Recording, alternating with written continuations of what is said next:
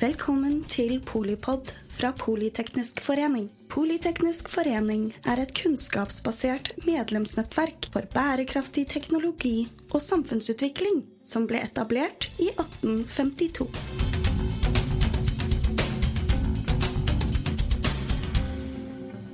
Velkommen til Polipod med Terje Strøm.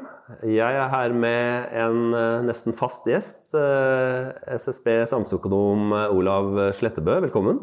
Takk for det. Det er spennende tider i eh, norsk politikk, og det kommer vi tilbake til. Men akkurat nå tenkte jeg at vi fikk snakke om dette rentemøtet i Norges Bank. Det ble jo enda et knepp opp til eh, svært høye i norsk forstand. 4,25 på, på renten. Hva tenker du om det og i forhold til norske husholdninger og norsk økonomi?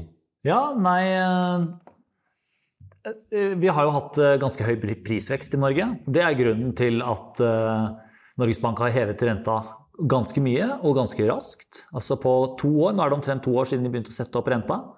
Da var den jo null. Og nå er den 4,25. Så det er den bratteste rentehevingen på lang tid. Absolutt. Og målet, som sagt, er først og fremst å dempe prisveksten i Norge. Eh, Men så er jo mye av denne prisveksten skyldes jo ting utenfor Norge som Norges Bank ikke kan gjøre så mye med. Og så I tillegg er det, som Norges Bank sier, slik at det tar lang tid før en renteheving får full effekt på prisveksten. Ja. Så eh, effekten på eh, inflasjonen av de rentehevingene vi har sett, den er ikke tømt ut ennå, akkurat. Det er, det er mye igjen der. ja. Eh, Men eh, siste observasjon var at KPI var på 4,8 eh, 12 måneders vekst, og Ja. målet er jo 2% som kjent, mens Ja. den kjerneinflasjonen som Norges Bank også er ganske opptatt av, lå på 6,3. ja. Begge har falt noe ned fra toppen, Det er det men er da fremdeles høyere enn Norges Bank ønsker. Ja, absolutt. Så, men har det ikke noen klare negative konsekvenser å øke renten så mye med den usikkerheten på når det slår inn, særlig i forhold til eh, boliglånene til eh, nordmenn flest, som jo er med flytende rente da? Altså For de fleste så blir jo det mm, ganske mye høyere renteutgifter hver måned. Er mindre penger til andre ting. Så vi, vi ser jo på konsumet f.eks. i norske husholdninger. Det har jo holdt seg ganske bra oppe, egentlig, men falt noe ned siste tiden. Mm. Eh, Så det er klart, dette etter hvert påvirker jo hvor god råd vanlige folk har. Ja. Ja. Det er jo det som er egentlig meningen. Det er jo det som er litt sånn eh, kynisk med hele det opplegget. At du skal få til høyere arbeidsledighet for at presset i økonomien ikke skal være like høyt. Altså, Norges Bank har mange måter som de tror pengepolitikken virker gjennom. Eh, Det der er kanskje en av dem. Det, det finnes ikke så veldig mye belegg for at uh, høyere ledighet via en høy rente vil gi lavere prisvekst i norsk økonomi. Det finnes det ganske lite empiri på, kanskje null. Okay. Uh, Men i USA er det en, liksom en litt mer vanlig tenkemåte. da. Mm. Uh, Men så virker jo renta på mange andre ting òg. Det virker f.eks. på investeringene. Du ser jo boliginvesteringene i Norge har jo roet seg ganske mye. Altså byggeaktivitet. Ja, ja. Eh, Og så er det dette med valutakursen som er det store usikkerhetsmomentet. Klarer, altså Er det slik at eh, høyere rente i Norge vil eh, reversere den der kronesvekkelsen som, som på en måte er med å forsterke prisveksten i Norge? Mm. Det, er, det er det mange nå klør seg i hodet og spør Ja, ja, seg for det har vært så utrolig mange forskjellige hypoteser på hva som betyr noe for valutakursen, og også i forskjellige perioder. Alt fra selvfølgelig oljeprisen og det med rentedifferansen. Og nå har vi jo faktisk hatt litt sterkere krone, så vidt jeg har fått med meg, akkurat de siste fem månedene eller noe sånt noe. Eh, og, og, og da kan du lure på, ikke sant? er det kanskje fordi Norges Bank har vært mer haukete med å kjøre på med renteøkninger eh, relativt mye og holdt følge med de andre landene, eller er det tilfeldig sammenheng? Ja, det, det, tør jeg ikke si, men eh, det var jo i hvert fall slik at da Norges Bank begynte å heve renta, så var jo ikke, så var jo ikke krona eh, så svak. Altså Den store kronesvekkelsen kom jo ikke før et stykke ut i 2022. Riktig. Og, eh, så da, da de begynte å heve renta, så var det jo fordi Norges Bank sa at dette her, prisveksten handlet mye om liksom norske forhold. De hadde en slags teori om det, da. Ja, det husker jeg, Den- men det har ikke SSB vært på med noen notater på det? litt? Jo, vi, har, vi har sjekket dette, det var Ja. feil. Ja. Så det er ikke noe mer å si om det egentlig enn at det var feil. Ja. Eh, Men så, eh, Så utover i 2022 så kom jo da denne kronesvekkelsen, og det passet jo ganske bra til på en måte narrativet. Ja. Fordi da fikk man en helt annen, liksom litt mer forståelig sak å hegge, henge, en knagg å henge det på. Da. Ja, ja riktig. Ja, ja. Nei, men det, det her er veldig spennende. Men da arbeidsmarkedet f.eks., som vi har snakket om tidligere også, det har jo holdt seg litt uforståelig bra, kanskje? eller? Du kan si det, men altså eh, Den eksportretta, eller den konkurranseutsatte delen av norsk økonomi har jo hatt noen gode år. Ja. Altså, eh, en god, god periode. Du har jo, du har, altså, for det første er jo vi en olje- og gassnasjon. Det har hatt helt sinnssyke petroleumspriser. Ja. Roet seg litt ned, men de er jo fortsatt uh, solide. Ja.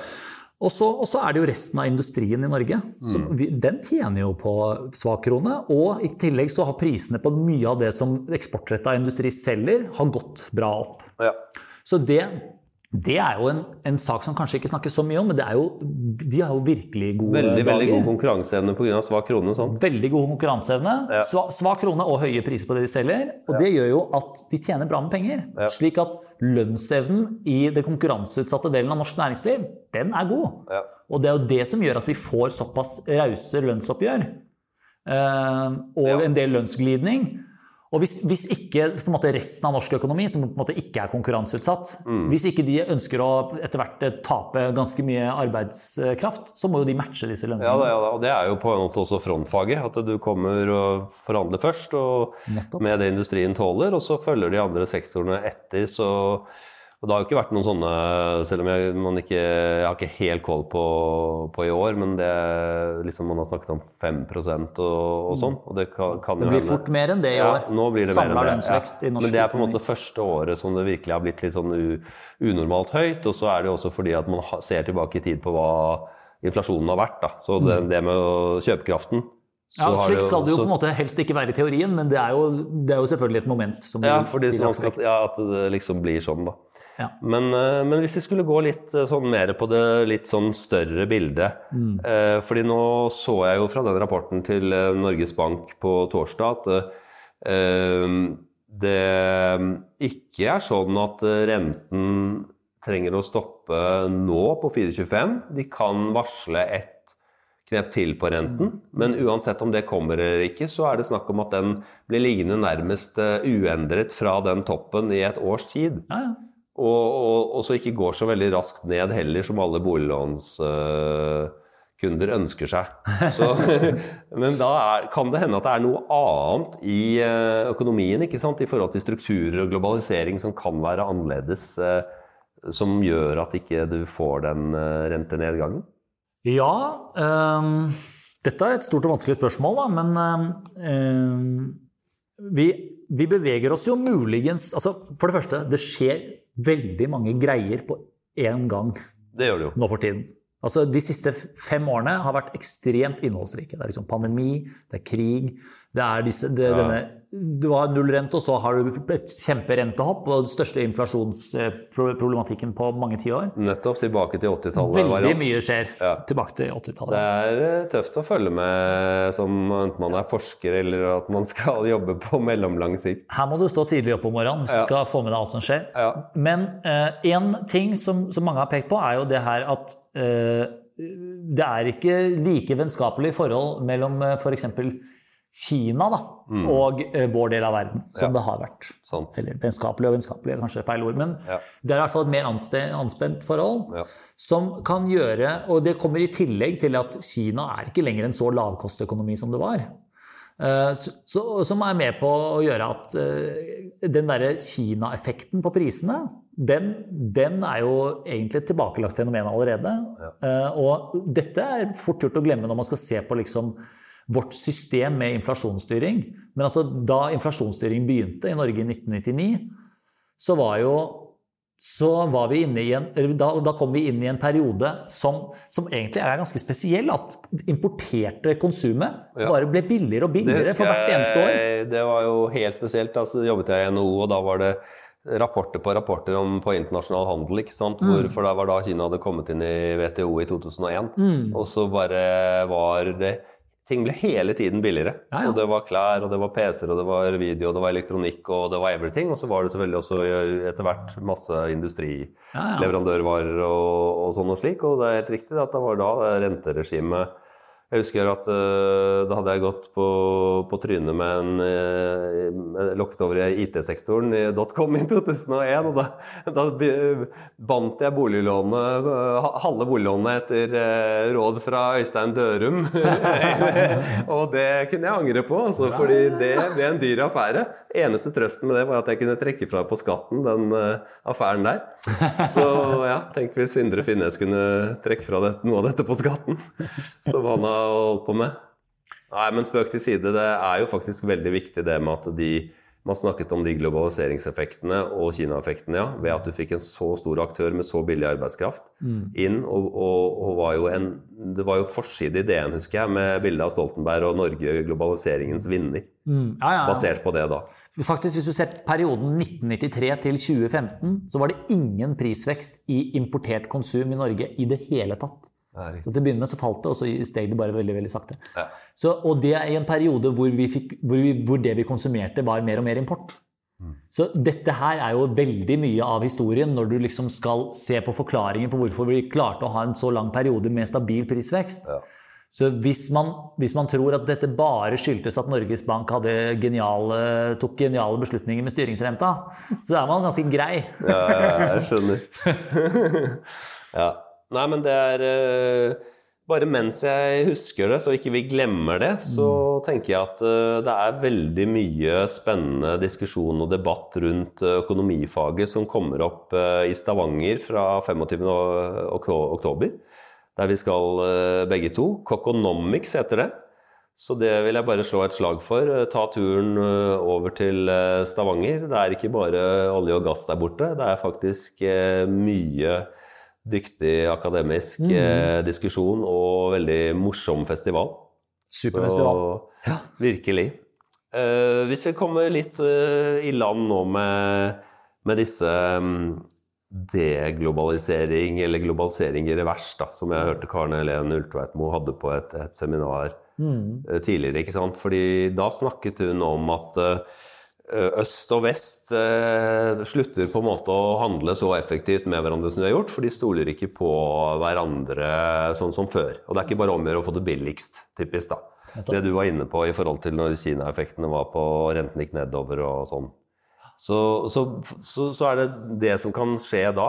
Altså er prinsippet da at du hvis du skal være en form for selvforsynt da, i en region som kan være EU f.eks., og du ikke tør å hente ting fra uh, resten av verden, i hvert fall ikke noen andre enn USA omtrent? Eller sånn, det, da blir ting dyrere. Da blir vel lønninger typisk plutselig høyere. Ja, eh, altså i hvert fall Det er jo ikke sikkert det fører til vedvarende inflasjon, for inflasjon er jo på en måte forandring i prisene, men at det kanskje kan måtte bli et høyere prisnivå på en god del ting, Riktig. det virker jo rimelig. Ja. Eh, Og i EU er ikke det, dette er ikke en liten sak. altså. Det er sånn strategisk autonomi, som de kaller det, som på en måte kan oversettes med litt sånn selvforsyning, da, Ja. er noe de er opptatt av på både liksom helse og også i noen grad sånn eh, forsvar og andre, andre Ja. typer sektorer. da. Så, eh, og, og så er det jo alt dette med viktige metaller og mineraler. Det er også det å kunne være, det er akkurat det, for det går inn i biler og mobiltelefoner og everything. Og, det, og så er man da redd for ikke sant, at det blir overvåkning fra Kina, og at de kopierer teknologi som er vestlig. Og, så det er jo et veldig sånn eh, komplekst felt eh, blitt, da. Det er det. Så, så, men, men det skal jo vi uansett eh, følge, så tenker jeg, da. Men da har vi iallfall satt folk litt at her trengs det mer forskning. er vel det vi kan Det trengs alltid mer forskning, men bare for å dra dette her bitte litt sammen med den prisveksten. da. Ja. At hvis du, hvis du tar den her, eh, store megatrenden i retning av litt mer selvforsyning på en måte, i eh, Europa, og så legger du det sammen med den der, at vi skal over på grønn energi, Ja. så har du på en måte to ganske store eh, drivere som, Ja. som begge Ingen av dem fører til eh, lavere prisvekst på kort sikt, i hvert fall. Altså, det der at du skal over på grønn energi, må jo sannsynligvis være ganske luggete. ikke sant? Du, Ja. du får noen energiprissjokk der på veien. Ja. Så når du skal fase ut olje og gass, Ja. Så det, begge disse tingene, i mitt hode i hvert fall, høres ut som kan, kan skape noen sånne midlertidige prissjokk oppover. Ja. Og så er spørsmålet skal det kontres med veldig stram pengepolitikk for å unngå at sånne sjokk forplanter seg til prisvekst i hele økonomien. Ja. Slik man på en måte tenker i dagens system. da. Ja. Det er jo det der. Og Det- da er det jo på et sånt der at er det et regimeskifte. ikke sant? Bør man ha en fornyelse av de virkemidler og verktøy og inflasjonsmål og handlingsregel i norsk politikk? Nettopp. da. Som For dette jo- er jo tilbudssidesjokk, og det er egentlig noe litt annet enn å drive og regulere etterspørselen opp og ned. Det er akkurat det det er. Så ja, men det, det var eh, veldig bra du, du fikk med det. Så, så tenker jeg at vi må bare så vidt innom uh, ukens eh, store tema i norsk uh, politikk. Og bare drodle litt. Det var jo valg for uh, under to uker siden, og det har skjedd ekstremt mye bare på den korte tiden etter valget. Jeg er ikke helt sikker på om Høyre lenger husker at de er landets største parti. Så, men du sa noe som var litt interessant, eh, og det var jo det at det har, det har sikkert ikke skjedd mer action, liksom, eh, eh, i, i norsk samfunnsliv enn det kanskje har gjort de siste liksom, tre-fire-fem årene. Nei, jeg tror ikke det. Hvis du skulle satt deg ned og delt inn historien i femårsperioder, da. Altså, Historikere vil nok klare å finne noe enda mer spektakulært. Det kan Jeg er ikke historiker, men i mitt hode, det som har skjedd eh, fra liksom 2018 til i dag så Du har, du har liksom pandemi, du har Ukraina-krigen, du har inflasjonseksplosjonen, som allerede nevnt. Men i tillegg, i norsk politikk, har du dette særegne at vi har så ekstremt mange skandaler. Ja, Så jeg, jeg nevnte han Kim Arne, Ham, Kim Arne Hammerstad, tror jeg han heter ja. som er en statsviter som holder oversikt over eh, politiske skandaler. ja, det er spennende. Og han hadde jo veldig mye å gjøre, på, så å si. da. Veldig mange bøker om den perioden som har vært, og selvfølgelig en del triste ting også, men tenker du det, det kan jo hende at det kan ha noe å si for uh, oppslutningen i valg og, og tilliten til systemet, da, som kan være typisk uheldig, som Ja, jeg vet ikke.